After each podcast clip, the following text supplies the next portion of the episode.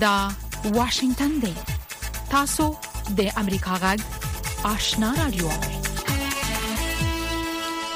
د امریکا غږ آشنا رادیو ډیر قدر منوریدونکو السلام علیکم زه شافیا سردار یم دا د امریکا غږ آشنا رادیو سهارنی خبرونه پیل شو لومړی به د دې سات خبرونه ووري السلام علیکم درنو وردونکو د امریکا جغ واشنگټن سټوډیو د زغل خانم پام وکړئ د سات خبرونه ته د طالبان حکومت د نیویارک ټایمز هغه راپور رد کړی دی چې په کې داسې ویل چې طالبان واک ته رسیدو وروسته په لومړی او شپږ میاشتو کې د بخوانی حکومت نږدې 1500 امنیتي ځواکونه وژلي او یا لادرکه کړی دي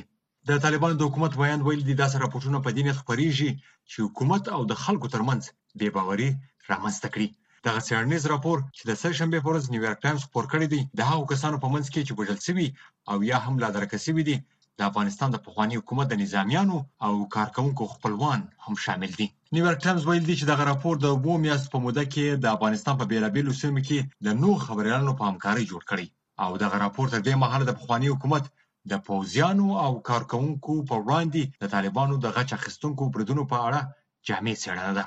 راپور د طالبانو لخوا د عمومي عفوې اعلان د دروغو یو ادعا بللي او ویلي دي چې طالبانو د عمومي عفوې د اعلان په پلمه د حکومت دغه پخواني کارکوونکي وژلي او یا له درکه کړي دي طالبانو دغه راپور رد کړی دی طالبانو ویاند ذبیح الله مجاهد امریکا ژغ ته وویل چې دا راپور د ناسمو معلوماتو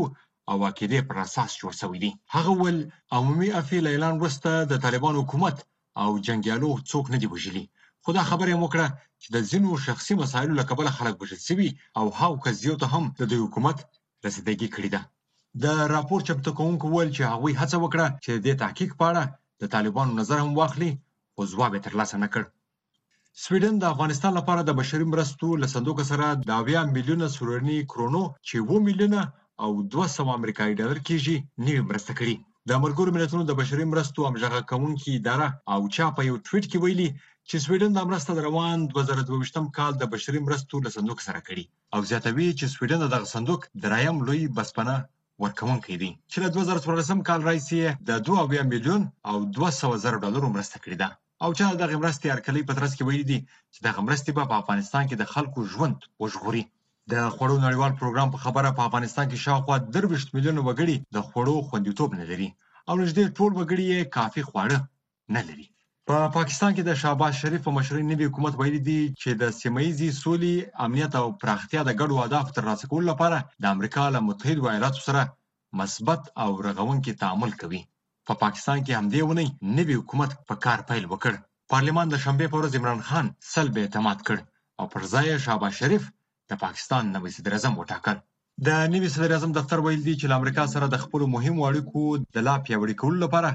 هلې ځلې کوي. د دوشنبې په ورځ د سپینې ماڼۍ ویاندې جن ساکي وویل چې واشنګټن له پاکستان سره مهم روابط پالي او مهم نه دی چې هلته د واک په ګړۍ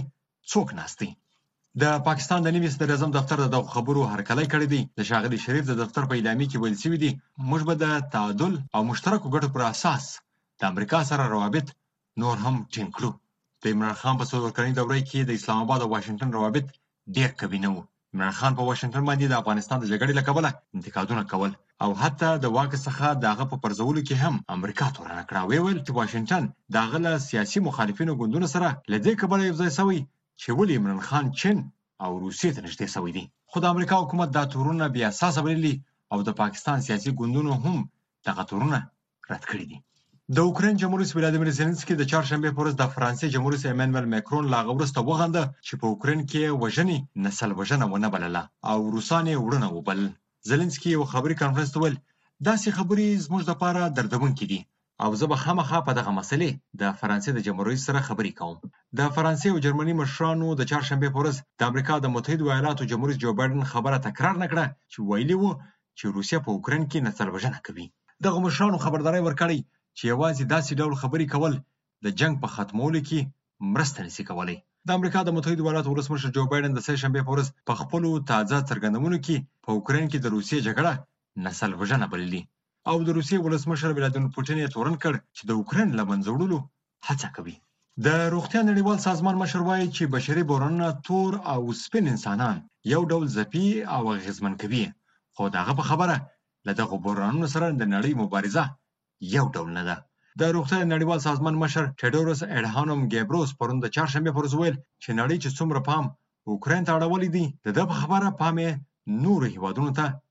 نه دی کړی. ښاغلي ګیبروس زیاته کړه، له شک پرته اوکراین باندې تمام پام مهم دی، ځکه چې په ټولې نړۍ اغېز لري، خو د دغه پام یوه برخه ایتوپیا، یمن، افغانستان او سوریې ته نه دی شوی. ښاغلی ټیډورس چې پخپله هم د اتوپیا دی، هغه په خپل هېواد کې روانې جګړې او هلته بشري مرستو رسونې ته په اشارې وویل، هیله ده چې نړۍ به بیا هوش ته راسي او د ټولو انسانانو له ژوند سره یو ډول تعامل وکړي د ایران د بهرنیو چارو وزیر د چهارشنبې پر ورځ وویل چې د یو بهرني بانک سره د ایران د کنګل شوو پیسو په اړه یو جوړجاړي ته رسېدلي دي د ایران میلیاردونه ډالر په څو هیوادونو کې له هغه وروسته کنګل شوې چې امریکا په دوه زره اتلسم کال کې پر ایران یو ځل بیا بندیزونه ولګول په دغو هیوادونو کې چین، جنوبي کوریا او جاپان شامل دي. ایران په 2015 کال کې د نړۍ د شپږو قدرتونو سره اټومي تړون لاسلیک کړ چې موخه یې د اټومي فعالیتونو محدودول او برعکس پر ایران د بندیزونو لرې کول وو خو امریکا په 2013 کال کې له دې تړونه ووته چې ورسره د ایران ژمنې هم ماتې شوې. جنوبي کوریا د ایران څخه د خام تیلو د رانیولو مهم هیواد وو. د ایران تسنیم خبري اژانس ویلي چې د چهارشنبې په ورځ د موافقې مقصد د ایران اوه میلیاردو کنګل شوو ډالرو ته د حل یو لار را ایستل دی. د نایجریا چارواکو ویلي چې د دغه هیواد په سکوټو ایالت کې د یوه کښتۍ د چپه کېدو په پېښه کې لږ تر لږه شپږ ویشت تنه چې یوویشت ښځې او پنځه ماشومان پکې شامل دي ډوب شوي دي. دغه ایالت چارواکو اژانس فرانس پرس ته ویلي چې په دغه کښتۍ کې نامعلوم شمېر مسافر سپاره وو او د سه شنبې په شپه چاپه شوي. چارواکو ویل دي چې د شپږ ویشت کسانو جسدونه یې موندلي چې یوه ښځي او پنځه ماشومان پکښې دي. دغه چارواکي زیاته کړې، موږ د مسافرو په دقیق شمېر نه یو خبر او په دې هیله د نورو کسانو پسې ګرځو چې ویې موندو. د دغې پېښې علت لا تر اوسه نه دی معلوم. په نایجریا کې د اوبو په لارو کې داسې پېښې ډېرې عادي دي، ځکه چې په دغه ډول کښتیو کې د حد څخه زیات مسافر سپاروي دا او خبرونه چې تاسو د امریکا جغ د واشنگټن د سټوډیو څخه واوریدل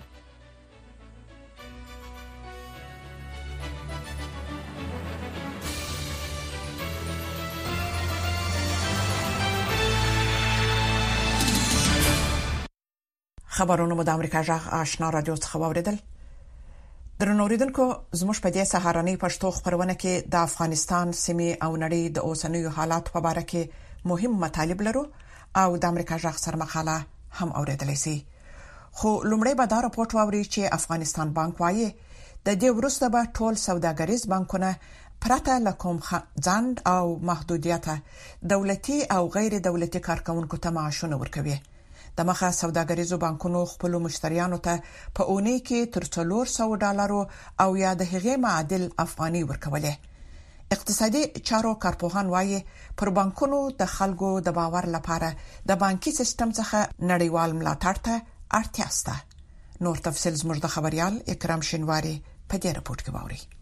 د افغانستان بانک د چهارشنبې په ورځ اعلان وکړ چې دولتي او غیر دولتي ادارو کارکونکي چې په سوداګریزو بانکونو کې حسابونه لري او د دغو بانکونو له لارې معاشونه اخلي وروسته له دې د هغوی په معاشونو موجود محدودیت لرې شوی دی د افغانستان بانک ویاند صابر مومند رسنیو ته ویل چې سوداګریز بانکونه به پرته له کوم ځنډ او محدودیت د دولتي او غیر دولتي کارکونکو معاشونه ورکړي د افغانستان بانک د مالي او بانکي سکتور د بیا رغونې د ستراتیژیک پلان سره سم او امکاناتو ته په کتو دا ځل د دولتي او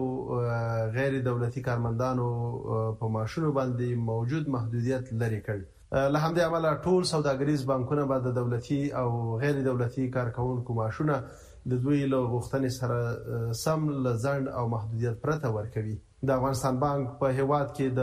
بانکي نظام د ټیکاو او هېوادوالو ته د لا نورو اسانتیاوو د برابرولو په موخه ژمن دی. د مخه سوداګریزو بانکونو خپل مشتریانو ته اونۍ کې تر څلور سوه ډالرو او یا د هغې معادل افغانۍ ورکولې. د تېر دوه زره یوویشت میلادي کال د اګست په پنځلسمه افغانستان کې واک ته د طالبانو د رسېدو سره سم امریکا متحده ایالاتو د افغانستان بانک نهه اعشاریه پنځه میلیارده ډالره شتمني کنګل کړه چې ورسره افغانستان کې بانکي سیستم د بحران سره مخ شو. قسم په تیرو نږدې اته میاشتو کې د امریکا مالی وزارت افغانستان ته د بانکونو له لارې د بشري مرستو د لیک او په بهر کې مشر افغانانو لخوا خپل خپلوان ته د پیسو د لیک په برخه کې یو لړ اسانتیاوي برابرې کړي خو لا هم دغه هیواد کې بانکي سیستم د ستونزو سره مخ دی د اقتصاد یو استاد ظاهر حلیمی وایي چې پرته له شک څخه د محدودیتونو لرې کول به د بانکونو ځینې مشریان ته لوړ اسانتیاوي برابرې کړي خو خاغلی حلیمی له نظر افغانستان کې بانکونه د یو جدي بې اعتمادۍ سره مخ دي چې ورسره عادي حالت ته د بانکونو ستنېدل هم د ستونزو سره مخ کوي. بنابراین در صورتی که فعالیت بانک ها عادی شود. ښاغلي حلیمي وویل، د همدې له امله که چیرې د بانکونو فعالیتونه عادي کیږي، ټول خلک به له بانکونو څخه خپلې پیسې وباسي او بانکونه د ستونزو سره مخ کیږي چې دا کار به د دې سبب شي چې بانکونه د تېر په څېر عمل وکړي. د همدې له امله اسانتیاوې ښه دي، خو تر هغې چې د باور وړ سیاسي نظام په هېواد کې رامنځته نه شي او په نړیواله کچه د بانکي نظام څخه ملاتړ ونه شي، دا به مشکل وي چې بانکي سیستم بېرته خپل اعتبار تر لاسه کړي.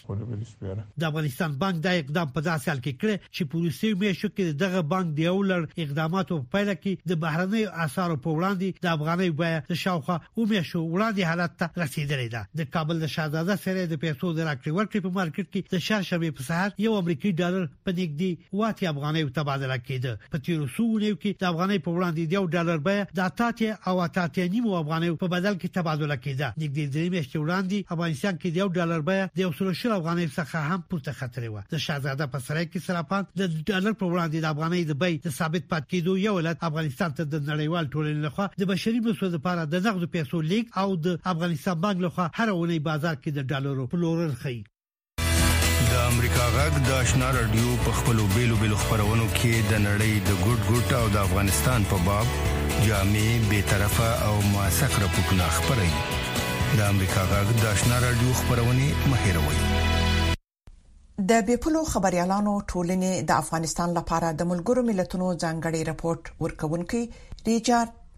بنت ته په یو لیک کې په دغه هیواد کې د خبریالانو او رسنیو د ملاتړ په اړه د جدي اقداماتو غوښتنه کړې ده له بل خوا د فرانسې د پارلمان غړو له خپل حکومت څخه غوښتنه کړې ترڅو چې طالبانو د شذو او جنو حقوقو ته درناوی نوي کړي اړیکې دي نور سره جوړیږي په دې باره کې نور تفصيل پر پورت کې ووري د بې پولې خبریالانو ټولنې ویلي چې په وروستیو اونیو کې د طالبانو لخوا د خبریالانو خپلسري نیونې زیاتې شوي او په خبره یې دغه کار په یاد هیواد کې د رسنیو پر فعالیت منفي اغیزه کړې ده دغه سازمان همدارنګه ویلي چې طالبانو د بیان د ازادۍ او رسنیو په وړاندې د محدودیتونو په دوام په وروستیو اونیو کې د افغانستان په کورنۍ رسنیو کې د امریکا غږ په ګډون د نورو نړیوالو رسنیو خبرونه بندي کړې دي دا په داسې حال کې ده چې ځینې طالب چارواکي دا موضوع د حل وړ ګڼي او نړیوالو رسنیو شتون په هیواد کې اړین بولي لفظي مسایل به وي نور شته نشته شته پکې نشته څه سیده سي لږ اصلاحات راولي او دوی لږ څه گذشت وکړي دا موضوع به حل فکر کوم او زه خپل ضروري بوله چې ځکه چې دا رسنۍ په دنیا کې څوک نشي بندولای نیواد پرې وو دې پر افغان چلونو باندې ایله وی یعنی ویلا دا په دې باندې منفي تاثیر نه کوي او شو دا ټولنه چې خبره وایي د جریاناتو څخه دا هم دا هغه چلونه دي چې هغه په دنیا کې اعتبار وړي د بهرنیو رسنیو ور اخوا په کور د نن د رسنیو خاوندان د اقتصادي ستونزو ترڅنګ داسې ستونزو ته اشاره کوي چې د دوی په وینا بیان اول یې خطرناک دي. د بدلون په راتګ سره موږ اوس په دې هم نه پوهیږو چې موږ په کوم نوع برنامې باید جوړې کو چې هغه لدونکو ولري او د لدونکو د توجه سبب وګرځي ګڼې ستونزې شته دي چې د یوې ستونزې په ازارولو سره کېدای شي سړي ته ډېرې ستونزې پېښې شي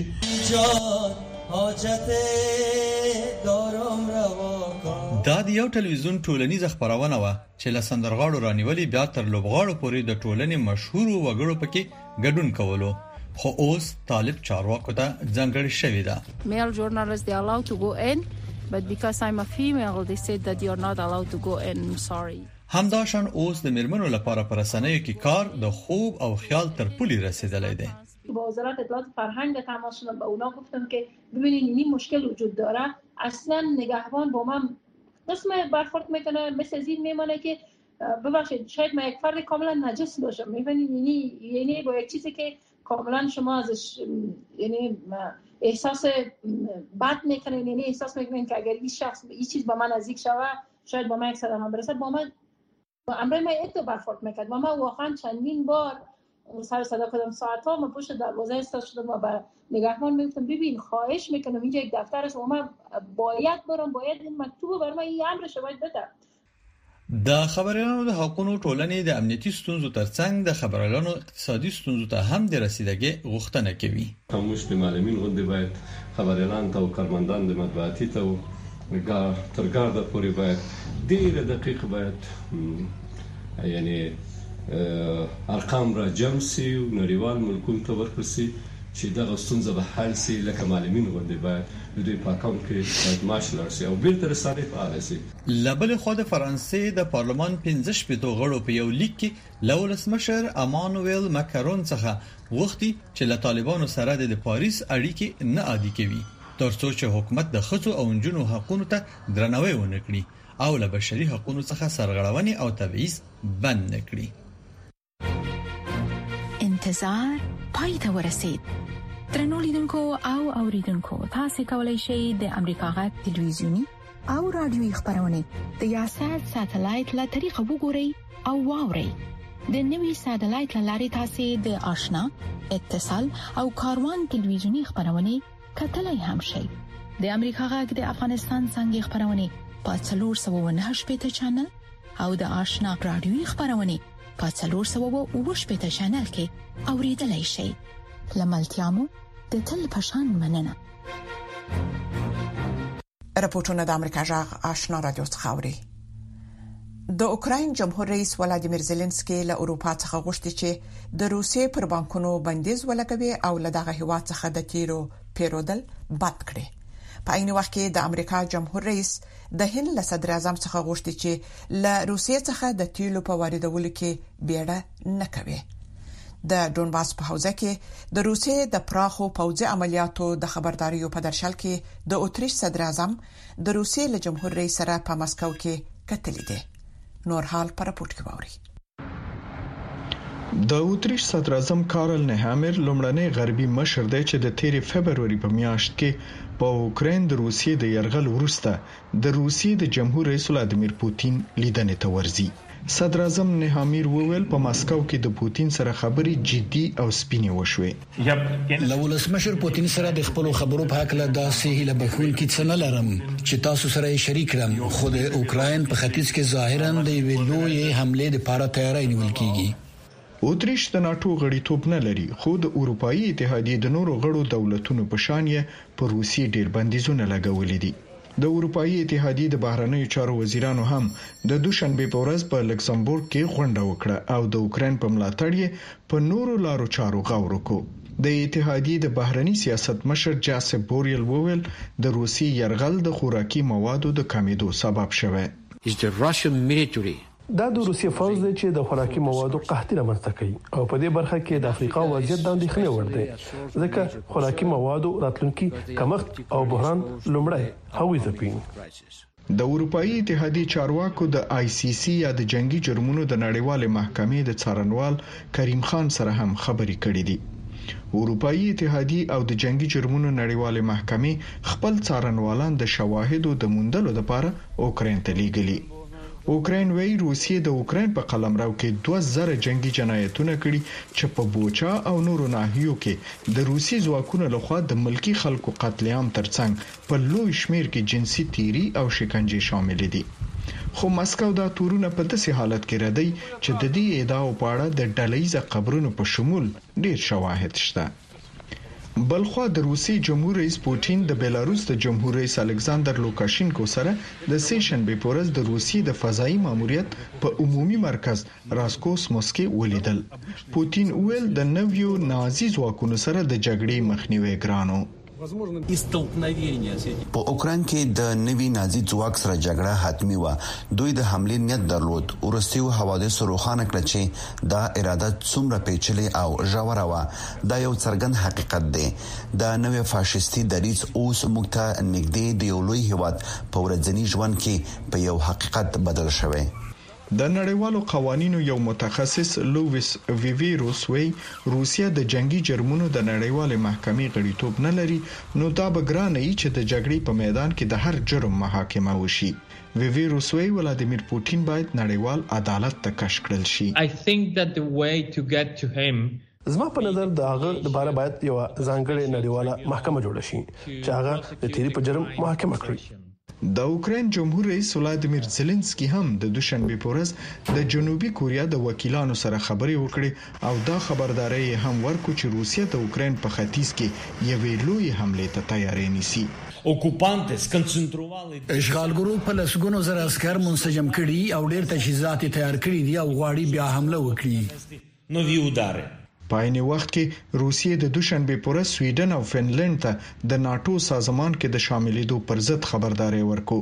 دواړو هېوادونو د روسیې له خوا د اوکراین تر اشغال وروسته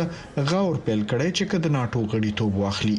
واشنګټن ویلي، د یادو دواړو هېوادونو د غړیتوب غوښتنلیکونه به تر جون میاشت پورې ترلاسه شي. انتظار پای ته ورسید. درنو لیدونکو او اوریدونکو تاسو کولای شئ د امریکا غږ تلویزیونی او رادیوي خبرونه د یاشر ساتلایت له طریقو وګورئ او واورئ د نوي ساتلایت لارې تاسو د آشنا اتصال او کاروان ټلویزیونی خبرونه کتلای هم شئ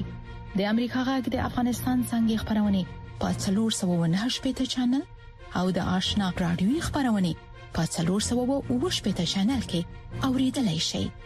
لملتيامو د تل پشان مننه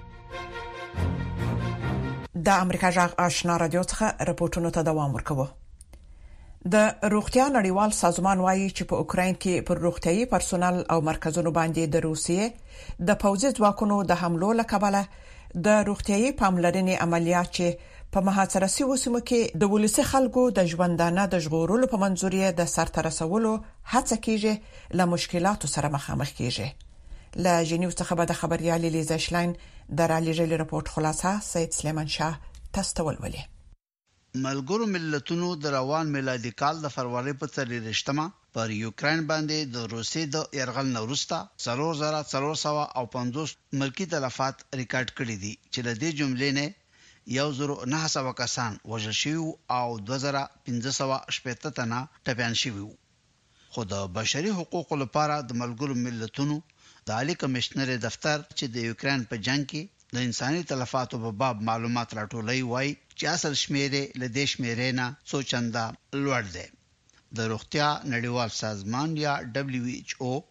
وايي چې د جنګ له پیل نه په ټول یوکراین کې دوه سوه شپاړس ټنه عاجلې بشري مرستې توزیع کړې دي. د دغه سازمان ویاند بانو بټنګر وویل، یوازې سمه نیمه برخه یې اصلي هدفونو ته رسول شوې.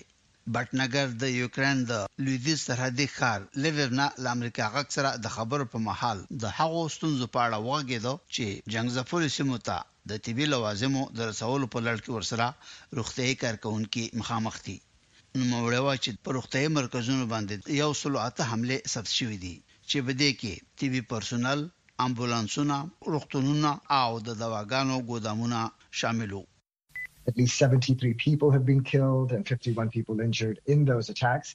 and we continue. په دغو حملو کې لږ تر لږه درې اویا کسان وژل شوي دي او یو پنځوس کسان ټپیان شوي دي.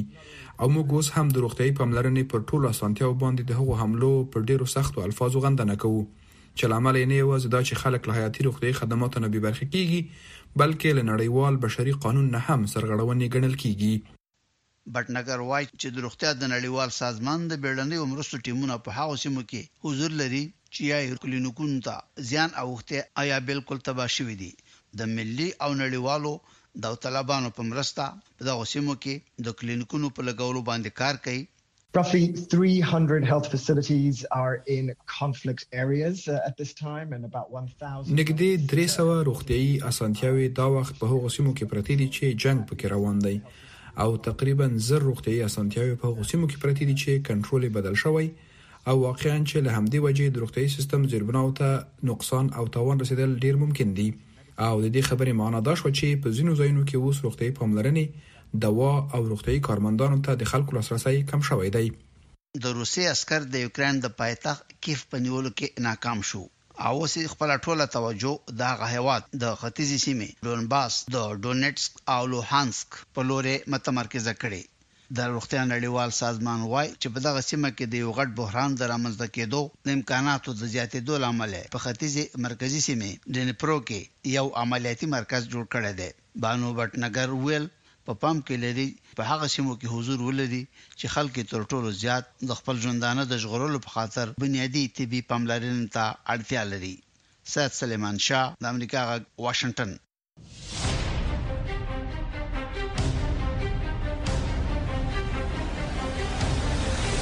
اتصال زموږ استاسې پیوستون خبرونه چیرنې او خبرګونونه موثق معلومات او دقیق جزئیات هغه کورنۍ نړیواله او سیمه ییزه مسلې چې د عامو خلکو پر ژوند اغیزې لري ستاسو پوښتنې د چارواکو ځوابونه او د پوهانو سپارښتنې له یک شنبه تر پنځ شنبه د ماښام پر 15 بجو او 10 دقیقو له واشنگټن څخه پر ژوندې بڼه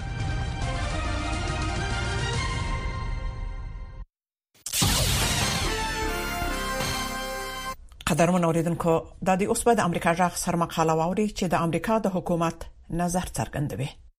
امریکا د فبرवरी د میاشتې په درشتمه نیټه د حوثیانو د نظامی قواو د یو تمویل کوونکي شبکې غړي د بندیزونو په لیست کې شامل کړ چې په عادي توګه په ملکیانو او په یمن او گاونډي ملکونو کې په ملکی بنیادی کارونو باندې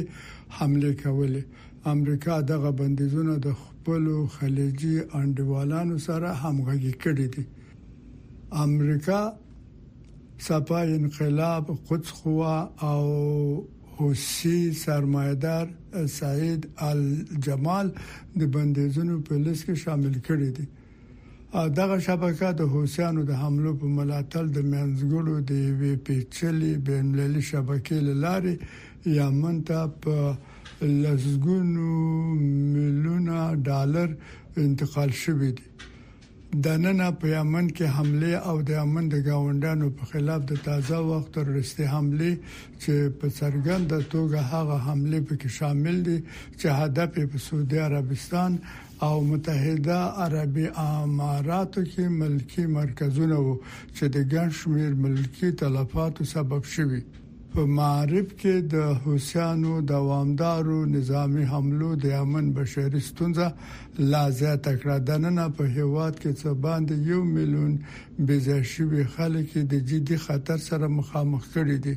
حوثیانو په سانا کې د امریکا د سفارت اوسني او پخواني کارکوونکي توقیف کړي دي، بې له دې چې د دوی د کورنیو سره تماس ونیسي. د دوی کورنۍ له دوی نه په میاشتو میاشتو خبرې نه دي. د دغه تباه کوونکي جګړې پای ته د رسولو په باره کې د خبرو د غوښتنې باوجود خو چې مشران د یمن د ګاونډیانو په خلاف د توغندیو توغولو او بې له انسان نه د هوایي وسیلو له لارې حملو ته دوام ورکوي، بې ګناه ملکیان وژني، په داسې حال کې د تروریزم او د مالي استخباراتو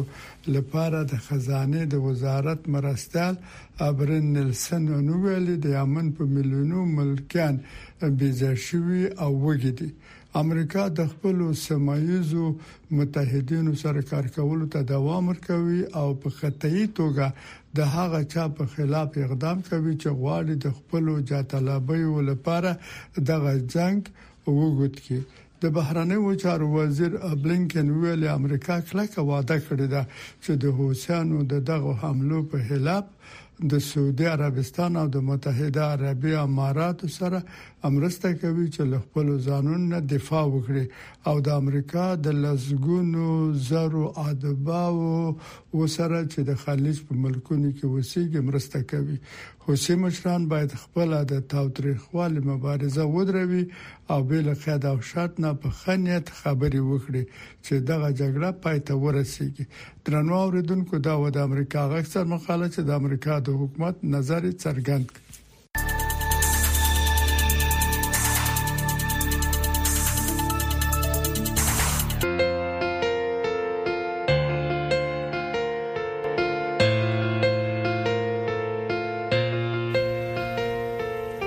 درنوریدونکو زموږ د خبرونه په همدې ځای پای ته ورسیده